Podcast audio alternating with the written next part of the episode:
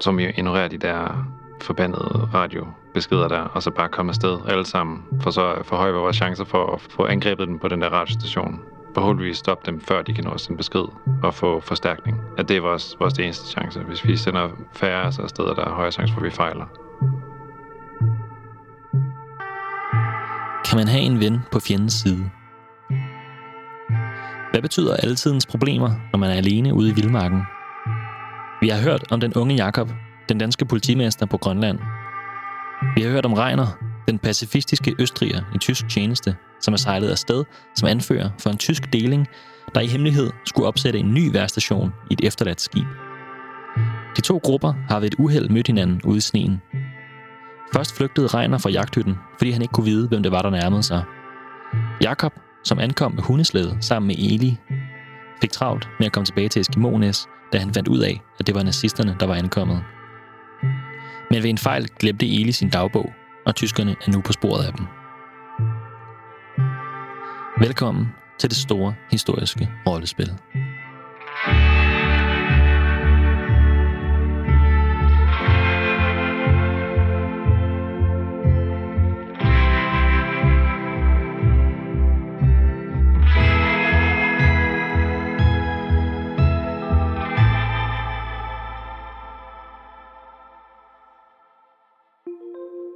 mit navn er Stine Knudsen. Jeg spiller øh, Jakob Petersen, som er politimand på Grønland, og sådan den eneste. Jeg er sådan mellem høj og meget sådan øh, rimelig sådan middelbygning. Øh, mørkt hår. Ja, og så er jeg lidt en, en loner måske. Jeg hedder Kenneth Ladkær. Jeg spiller Reiner Brock. Øh, han er har været med i Første Verdenskrig, hvor han har oplevet en masse redsler, og har siden da udviklet sådan en, en, et had til krig og mere pacifist. Øh, har oplevet en isolation og en fantastisk natur oppe i tundraen, som han er blevet helt forelsket i, og ligesom fundet en eller anden form for fred derop. Men inden vi fortsætter jagten, skal vi først lige tilbage i tiden 10 år. Året 1933. Både Jakob og Reiner er på Grønland – de er ude at jage sammen, og Jakob er ved at lære alt om faget. Hans lærermester er Reiner, som allerede har en masse erfaring. Det her det er længe før krigen bryder ud, og de bliver tvunget til at være på hver sin side. Den unge Jakob har mange spørgsmål, og den gavede Reiner gør, hvad han kan for at besvare dem alle sammen. De har fanget et par polarrev, og er nu på vej tilbage mod deres jagthytte. Lad os høre, hvad de snakker om. Så kan jeg forestille mig, at jeg også går sådan og, og spørger ind sådan, øh, til nogle af de teknikker, vi har brugt. Øh, lige, lige sådan kører en, måske en lille lektion eller et eller andet, mens vi går. Ja. Snakker om, hvordan man, hvad, hvad vi så gør med de her polarrev for at, at forberede den bedst, og hvad man kan bruge skinnet til, og hvor man kan sælge dem hen, og man kan måske lave en lille hat ud af den, eller et eller andet. Ja. Øhm. Jeg tror, jeg bare har suget til mig af erfaring og øhm, prøvede på bedst mulig vis at, at klare det så godt jeg kunne, så jeg ikke var til besvær.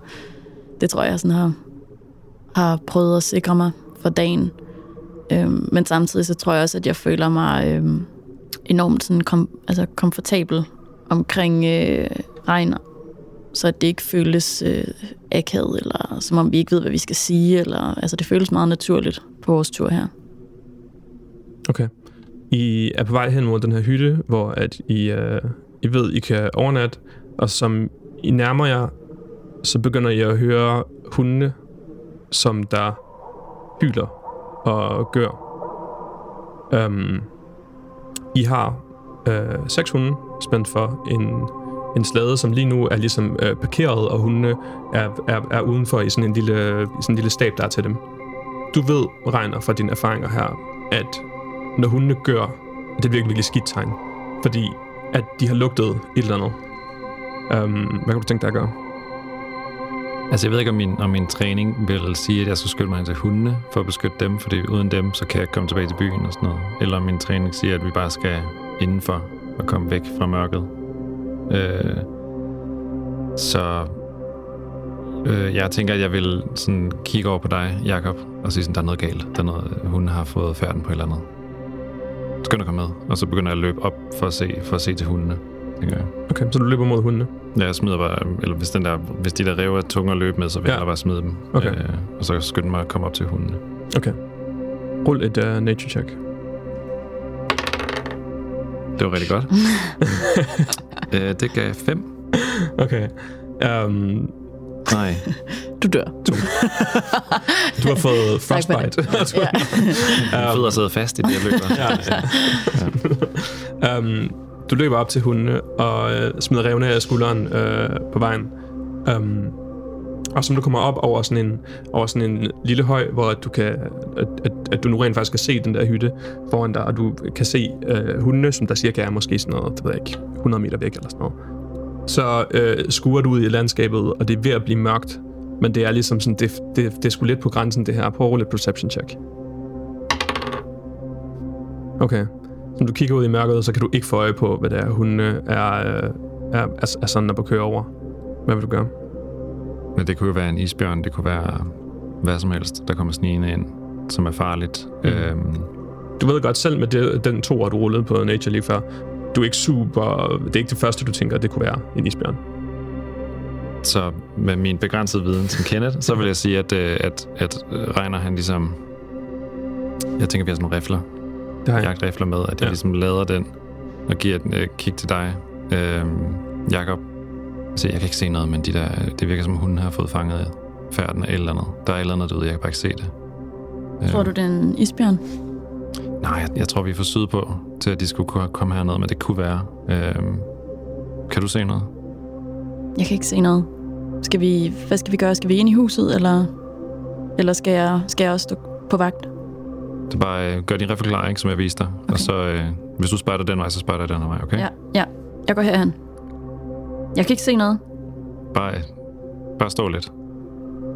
Så man kigger rundt, og ligesom det sidste dagslys forsvinder, så øh, hører I den først de her sådan tunge øh, spor i sneen. Det har været en lille smule varm i dag, så der er sådan lidt tyst sne, så man kan høre, at man kan virkelig høre, når sneen bliver, bliver, bliver trykket sammen. Og øh, måske ikke mere end sådan noget 15 meter drejer mod den side, hvor du kigger, Jakob. Får du øje på den her silhuet, der går i mørket. Det er en isbjørn, der bevæger sig.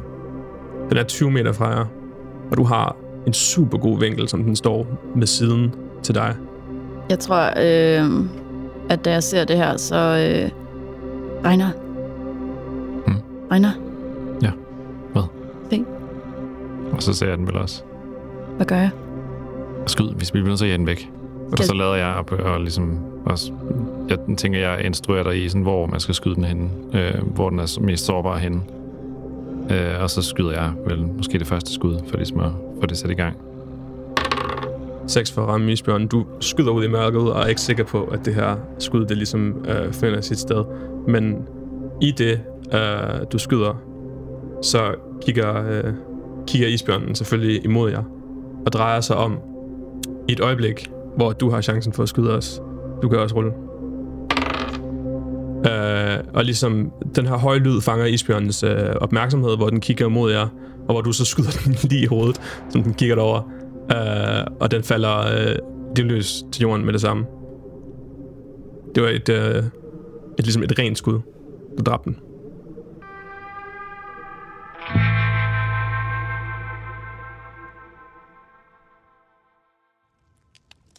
Og jeg nikker bare sådan, sådan, øh, sådan imponeret og giver dig en klap på skulderen. Ja. Sådan, Jacob. Nå, men lad, os- lad os kigge til det. Det må være, det er, et, øh, det er mange penge værd, det der, det skin der. Jeg tager min sådan, riffel ned øh, ved siden, og øh, altså mit hjerte, det hammer derudad. Men, øh, men jeg er meget lettet over, at jeg ramte den. Jeg er lidt paf lige nu. Jeg sådan, øh, rejser mig op fra den sådan stilling, jeg har været i for at skyde, og jeg sådan børster sneen af, af mine knæ. Det er sgu godt klaret, det der. Det, øh, der var godt lige ved at tro, da jeg ikke ramte den første gang, at det var, det var måske det. Mit hjerte sidder sådan helt op i halsen lige nu. Men øh, det er vel også normalt, ikke? Jo, jo. Med sådan en... Ja, Jo, de, altså, de fløj jo ansigtet af dig med bare et hurtigt det var, held, det var heldigt, at, øh, at du havde nået at, at lære mig at skyde. Altså, Ja, det, øh, det må man sige. Det var godt, vi lige nåede at lave den øvelse her i dag. Ja, det. Med hvordan man, man lader riflen. må du nok sige det. Jakob og Reiner får flået skinnet af isbjørnen og slæber det hele med tilbage til jagthytten. Reiner er meget imponeret over Jakobs første skridt som jæger, og de to fejrer det med en skarp til maden. Mens aftenen falder på, nærmest bombarderer Jakob og Reiner med spørgsmål om konservering af kødet og hvad man måske kan bruge resten af sådan en bjørn til og den slags. Det her er begyndelsen på et venskab, som varer resten af sæsonen. Men som tiden går, må de begge to forlade Grønland igen. Reiner bliver bådbygger og tilbringer tid sammen med sin familie tilbage i Norge. Og Jakob tager hjem til Danmark. Men som 1930'erne skrider frem, sker der ting i Europa, som får en kæmpe indflydelse på begge de tos liv. Og efter den tyske besættelse af Danmark, tager Jakob tilbage til Grønland i 1940, sådan som vi hørte det i starten af episode 1. Reiner blev i mellemtiden værvet som anføreren for den tyske ekspedition i et forsøg på at etablere deres egen værstation, og han ankommer tilbage til Grønland i 1943. Og alt det her har vi jo allerede hørt. Vi skruer derfor lige tiden frem igen til 1943 og zoomer ind på den danske base Eskimones, hvor Jakob prøver at finde en løsning på den situation, de står i. De har jo mistet Elis dagbog, så måske har de tyskerne i hælene. Lad os høre, hvad der sker.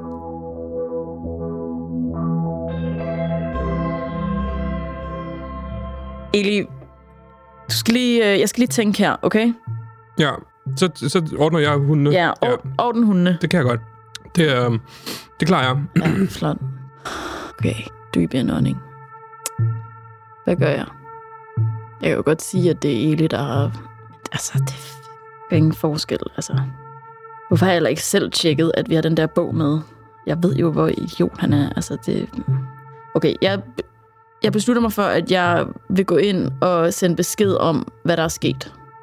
Eli, jeg går ind og begynder at, at sende besked, okay? Ja, ja. Sagde du noget?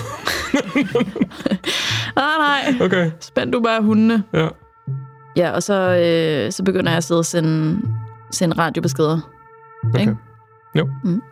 Så du giver, øh, øh, hvad kan man sige, øh, basen nede på Ellerø, som der ligesom er den, det store centrum på Grønland, giver du besked om, at nu er tyskerne dukket op? Ja. Okay. Altså det her, det er din ordre. Det er din ordre, du følger nu. Din ordre Ja. er, at når du, hvis de visiterer tyskerne, så trækker jeg tilbage, og så giver besked tilbage til hovedkvarteret omkring, at nu har vi set tyskerne, og hvor har vi set dem. Ja. Ja, men det gør jeg. Jeg følger, jeg følger ordenen, tænker jeg. Håbet er, at amerikanerne kommer. Det er det, aftalen hele tiden har været. Hvis vi giver besked, så kommer amerikanerne og løser det her for os. For amerikanerne har også en, en brik i det her spil. Og der går et par timer, hvor at du ikke hører noget tilbage, og ikke andet end, at vi har modtaget dine ordre og afvendt yderligere instruktioner. Og så begynder hunden at gø. Lad os lige vende, hvorfor Jakob tænkte, at amerikanerne ville komme og hjælpe, hvis der skulle opstå problemer. Amerikanerne har længe haft interesser i Grønland. Fra Grønland kan man holde øje med store dele af den nordlige halvkugle. Den strategiske placering imellem Europa og USA gør den til et attraktivt sted, sådan rent geopolitisk. Og så er den også en fod indenfor i Arktis. Det her forhold havde den danske ambassadør i USA forstået. Han hed Henrik Kaufmann, og under 2. verdenskrig havde han på helt egen hånd, uden nogen ordre fra den danske regering, besluttet at give amerikanerne frit slag til at have en militær tilstedeværelse i Grønland. Og selvom det var imod mangens ønsker, så fortsatte den her tilstedeværelse efter krigen, og også helt op til i dag. At det er blandt andet de her interesser, som fik Trump til at forsøge at købe Grønland dengang i 2019. Men alt det her med Henrik Kaufmann er for nylig blevet portrætteret i filmen Vores mand i Amerika, og vi kommer til at snakke en hel masse mere om det i den her omgang efter spillet. Men for nu er det eneste, man behøver at vide, at Jakob regner med, at hjælpen er på vej. Så mens Jakob og Eli forbereder sig, så zoomer vi lige ud til tyskerne ude i sneen. Og du kommer, øh, kan se huset i det fjerne, der nærmer sig, og høre hundene, der gør, og kaminen, eller hvad der hedder, røgen, der stiger op af, af skorstenen, og I kravler ligesom langsomt hen over det her, det her øh, landskab, og manden bag dig er trætte, men du er sådan udholden og, og, og kender godt til det her. Hvad kunne du tænke dig at gøre? Jeg kalder dem op med en håndbevægelse. Øh, og uden at sige noget, så viser de ligesom med mine hænder, at de skal sætte sig ned, og så peger jeg op på huset. Og så laver jeg ligesom håndbevægelse om, at, hvor jeg sådan snor rundt min hånd for at vise, at de skal omringe huset. Men jeg holder ligesom fast i øh, Rudolf, da de andre begynder at sprede sig ud. Og så læner man ind sammen og siger, at du bliver det med mig. Og jeg tænker også, når vi ligesom er gået op imod, øh, har jeg fortalt dem, at det vigtigste først er ikke at skyde, medmindre man er 100% sikker på, at man ikke sigter på en af vores egne. Og det handler lige så meget om at bare fange dem, frem for at slå dem ihjel, for vi ved ikke, hvor mange der er. Så jeg givet dem over på, mens vi har vandret afsted. Så nu er det bare stille, og så skal vi ind. Så Heinz og Siegfried går i en, hver sin bue rundt udenom huset og står ved, øh, ved bagindgangen. Det her hus er et småt et hus i sådan noget rødt malet træ. Sådan lidt i stil med måske sådan et svensk sommerhus. Men du er ikke i tvivl om, at det er derinde, de er. Og der er måske... Du kender huset godt, altså du kender ligesom... Øh, øh, hvad kan man sige, øh, indretningen, og du ved, at der er plads til, at der kan sove sådan noget 6-8 mand derinde. Det er større end de der små jagthytter. Um, og der er også nogle ekstra rum til proviant og et lidt ekstra, et bedre køkken og sådan nogle ting. Mm-hmm. Um, og du ved også, at hvis I står foran og bag det, så er der ikke nogen vej udenom. Altså, så er der, så er der ikke nogen måde, at de, de slipper fra jer. Uh, du kommer nu tættere og tættere på hovedindgangen, uh, forsiden af huset.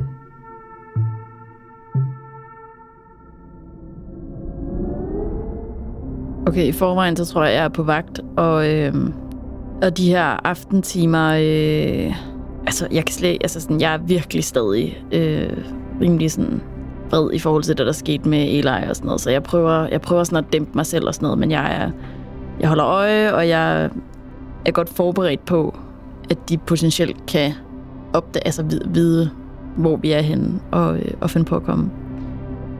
Eli, Hmm? Ligger du og sover? Nej. nej, nej. Jeg, jeg er vågen. Okay. Hvad, er der sket noget? Hvor er din, øh, hvor er din riffel? Uh, nå, men den er udenfor. Er den udenfor? Ja, vi plejer altid, vi plejer at lægge dem udenfor, så de ikke bliver varme. Så de ikke bliver våde. Den var... Skal- Jeg kan godt hente den. Altså, hvis hvor det... er du trænet henne? Du har, givet, du har givet dem information om, hvor vi er. Det har du godt forstået, ikke? Lige ud for vores dør, der Ja. kan der så tyskere. Det er du med på, ikke? Jo, Jo. jo. Tror du så, det er smart at lade din riffel ligge derude?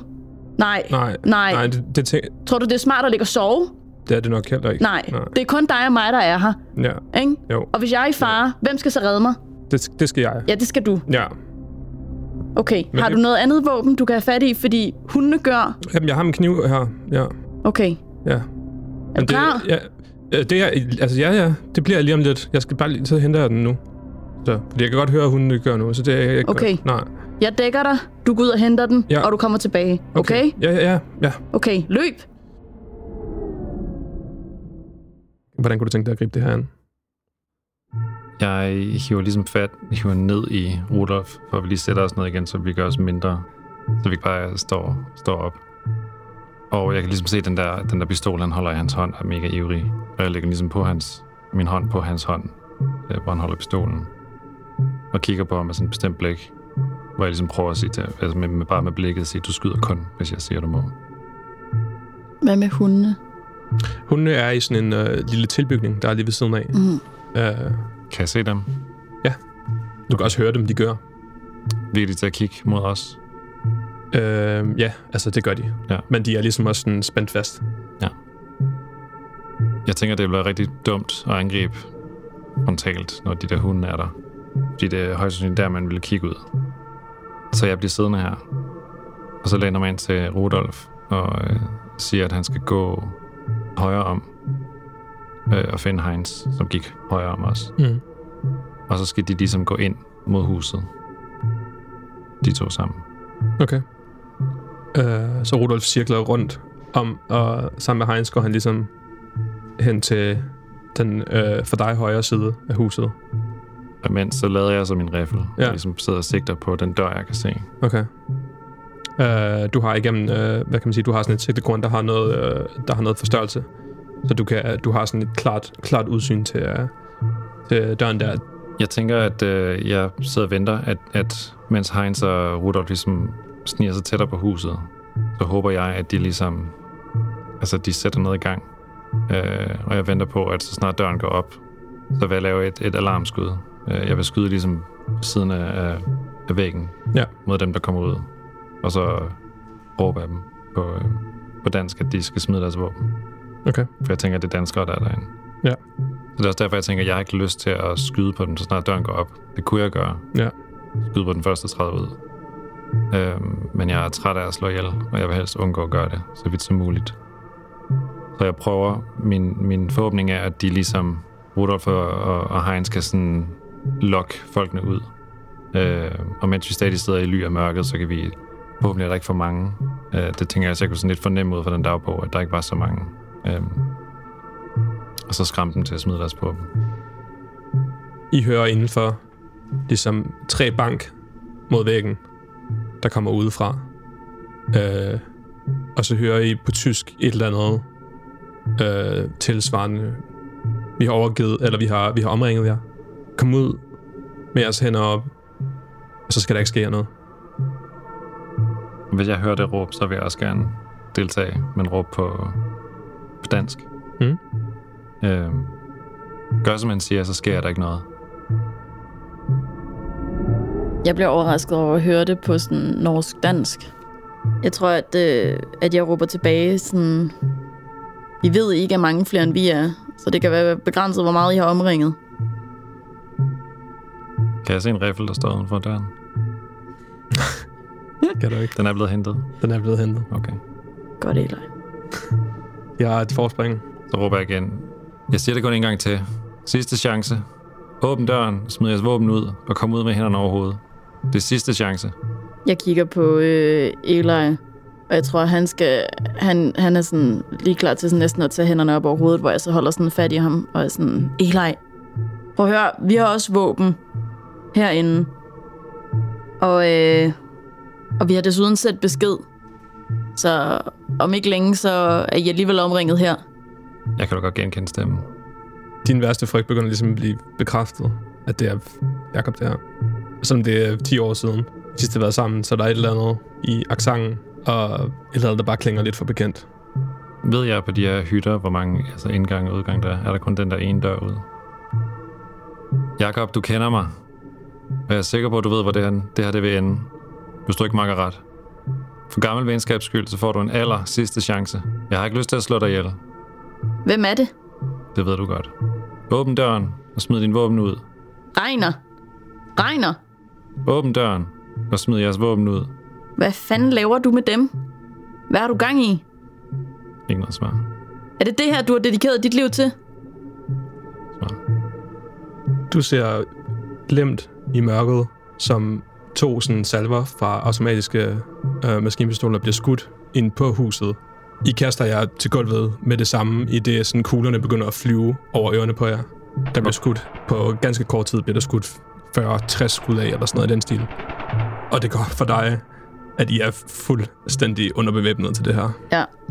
Okay, så jeg, øh, jeg tror på det tidspunkt, så sådan, jeg råber og prøver sådan noget, I ved, sådan den der øhm, trang, hvis man er virkelig presset til sådan at prøve at skræmme folk væk ved en stemme. Sådan, "Ah!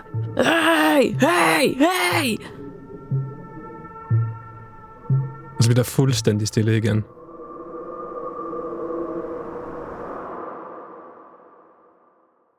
Jeg, sådan, jeg, jeg sådan går, kan næsten ikke gå, det går hen og sådan sparker til sådan mit våben, og sådan langsomt lægger det sådan ud af døren, meget, meget forsigtigt.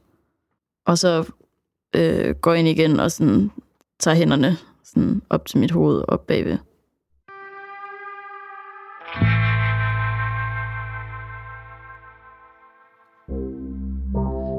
Da tyskerne affyrede skud imod hytten, blev Eli ramt i maven. Han blev tilset alene Rudolf, men stod ikke til at redde. Eli Knudsen blev 30 år gammel, og der er i dag rejst en mindestøtte for ham på Østgrønland. Men som tiden går ude i hytten, bliver to ting klart for den gruppe, som nu befinder sig der. For det første, så kan tyskerne ikke få lov til at sende deres krigsfanger hjem.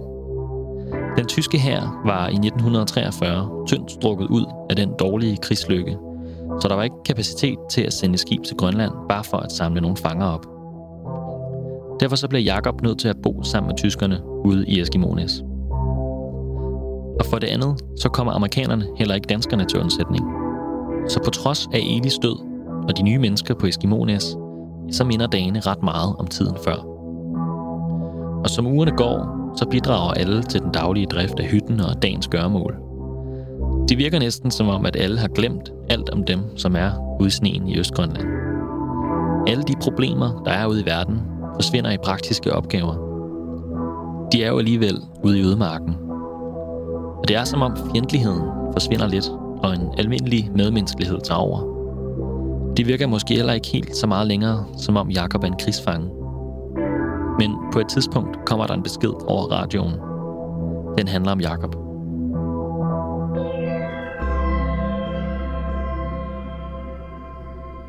øh, hvad kan man sige, den der mens- medmenneskelighed, der begynder sådan at komme, er det, der gør det så øh, hjerteskærende, når ordren fra Berlin kommer om, at den der fange, som I hænger på, kan vi ikke hente. Vi må bare gøre det af med ham. På det her tidspunkt er krigslykken er vendt. Øhm, ressourcerne begynder at være presset. Øh, og du kan tydeligt mærke, at Berlin kommer ikke til at sende en båd herop for at hente en enkelt krigsfange. Heinz har givet dig den her besked, og kigger op på dig, og du kan også se, at han også synes, den, det er ubehageligt. Men Rudolf har endnu ikke hørt det, og det har Godfred heller ikke. Han, med lidt spørgende øjne kigger han på dig. Kigger tilbage på ham og øhm, nikker langsomt. Og giver ham ligesom sådan et lidt medledende sådan klap på skulderen. Øhm, jeg kan forestille mig, at i de her dage er det også begyndt sådan lidt... Altså stemningen i, i lejren er også sådan trykket, fordi at man kan se, hvor, hvilken vej krigen går. Jeg kigger på Heinz og siger, øhm, okay, jeg kender Jakob fra lang tid tilbage, som du nok ved, siger til Heinz. Øhm, det ville betyde meget for mig, hvis jeg kunne få lov til at gøre det her. Selvfølgelig, du bestemmer. Okay. Og så øhm, går jeg over og ligesom tager min, min jakke på. Øhm, og ligesom kommer klar til at gå ud. Og går over til Jakob Og øh, kigger på dig. Øhm, og så siger jeg, vil du ikke komme med mig? Og du ser meget alvorlig ud. Ja. Og jeg, øh, jeg rejser mig. Og jeg kan godt mærke, ja, det var nok den besked, der er kommet. Og jeg prøver sådan lidt, øh, sådan, som en, lidt sådan robotagtigt, bare sådan, hvordan man nu gør, øh, og hvordan jeg husker tingene fra den, altså Første Verdenskrig, og så ligesom fanger blive behandlet. Øhm, og sådan, jeg tænker, at dine hænder er bundet, og ligesom hive fat i dem, og sådan træk der med mig øh, udenfor. Og jeg går med, jeg, jeg øh, kigger mig lige sådan hen over skulderen tilbage på de andre, og bare sådan ryster mit hoved af dem. Sådan. Ja, jeg kan ikke engang sige noget til dem. Jeg ved jo ikke engang, hvad de laver, så det hele er bare sådan virkelig håbløst. Så, øh, så træsker jeg udenfor. Jeg tænker, at vi, øh, så snart vi kommer ud, og vi ligesom lukker døren bag os, så går jeg op ved siden af, af dig, Jacob, øh, og lægger sådan en, en stor arm som om dig, om din skulder. Det overrasker mig lidt. Og du kan mærke, at jeg ligesom, jeg har svært ved at, der er noget, jeg gerne vil sige, men jeg har rigtig svært ved at sige. Og så kigger jeg bare ligesom op, og ud over det landskab, hvor vi ligesom lærte hinanden at kende i. Og du kunne se ligesom, der er sådan, jeg tror lige, du har set mig græde. Øh, men der er, det er våde øjne, du ser. Og så kigger jeg tilbage på dig, øh, og bare sådan nikker lidt. Med sådan en, sådan en, øh, hvor du kan mærke, at, at, at, du ved, hvad kan man da gøre? Man gør sit bedste, og så ender man her alligevel. Og så kigger jeg over mod hundesleden, som jeg har stjålet, og tilbage på dig. Og så kigger jeg over mod hundeslæden igen og kigger tilbage på dig. Og så begynder jeg at gå derover, mens jeg sådan, Nikker til mig, mm, og jeg bliver meget overrasket. Jeg troede, øh, jeg troede faktisk, du ville skyde mig. Så jeg bliver også meget, meget lettet. Og sådan, jeg går med dig. Sådan, øh, sådan lige tør øjnene, og så begynder jeg sådan at træske afsted. Sådan, går op på, øh, på slæden, og så kigger jeg lige tilbage på dig og nikker til dig. Og så kører jeg afsted. Og der tænker jeg faktisk, at jeg kører med. Du kører med? Ja. Så jeg, vi er taget op på, øh, på slæden, og så laver jeg et enkelt bare sådan skud op i luften. Og så ligesom giver der den ikke. Det er jo lige meget det hele. Ja. Og så... Lad os komme afsted.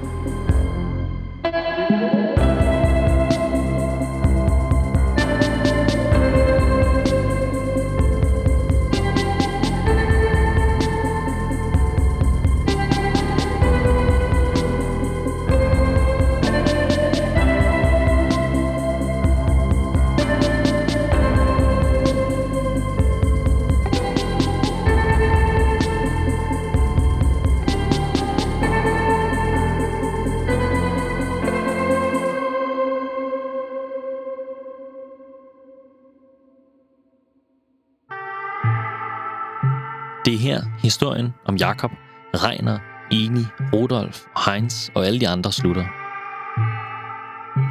Reiner og Jakob kører til Ellaø, der hvor den danske hovedbase lå.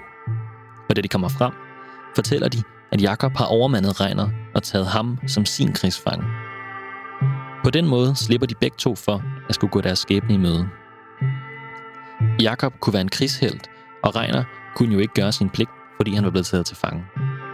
Reiner har nok tænkt, at hvis krigen alligevel sluttede, så ville ingen finde ud af, hvad der i virkeligheden var sket, og at han derfor nok kunne slippe afsted med det. Han troede jo alligevel ikke på nationalsocialismen, og var imod alt det, der skete. Det er i hvert fald sådan, som historien siger det. Men den her falske fangeopstand, som de begge to i fællesskab har lavet, har ikke altid været den gængse forklaring på, hvad der skete i Østgrønland i 1943. Det er først for nylig, at det er kommet frem, at Jakobs påståede overtagelse af situationen måske ikke helt passede. De to var jo også gamle venner, sådan som vi har hørt.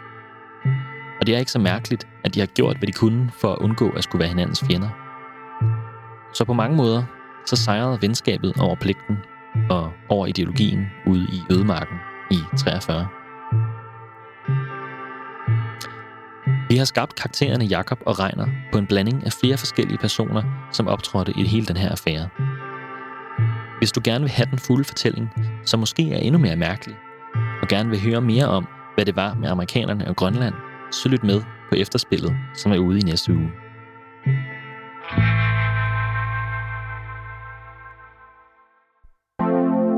Tak fordi du lyttede med på tredje afsnit af En ven på fjendens side.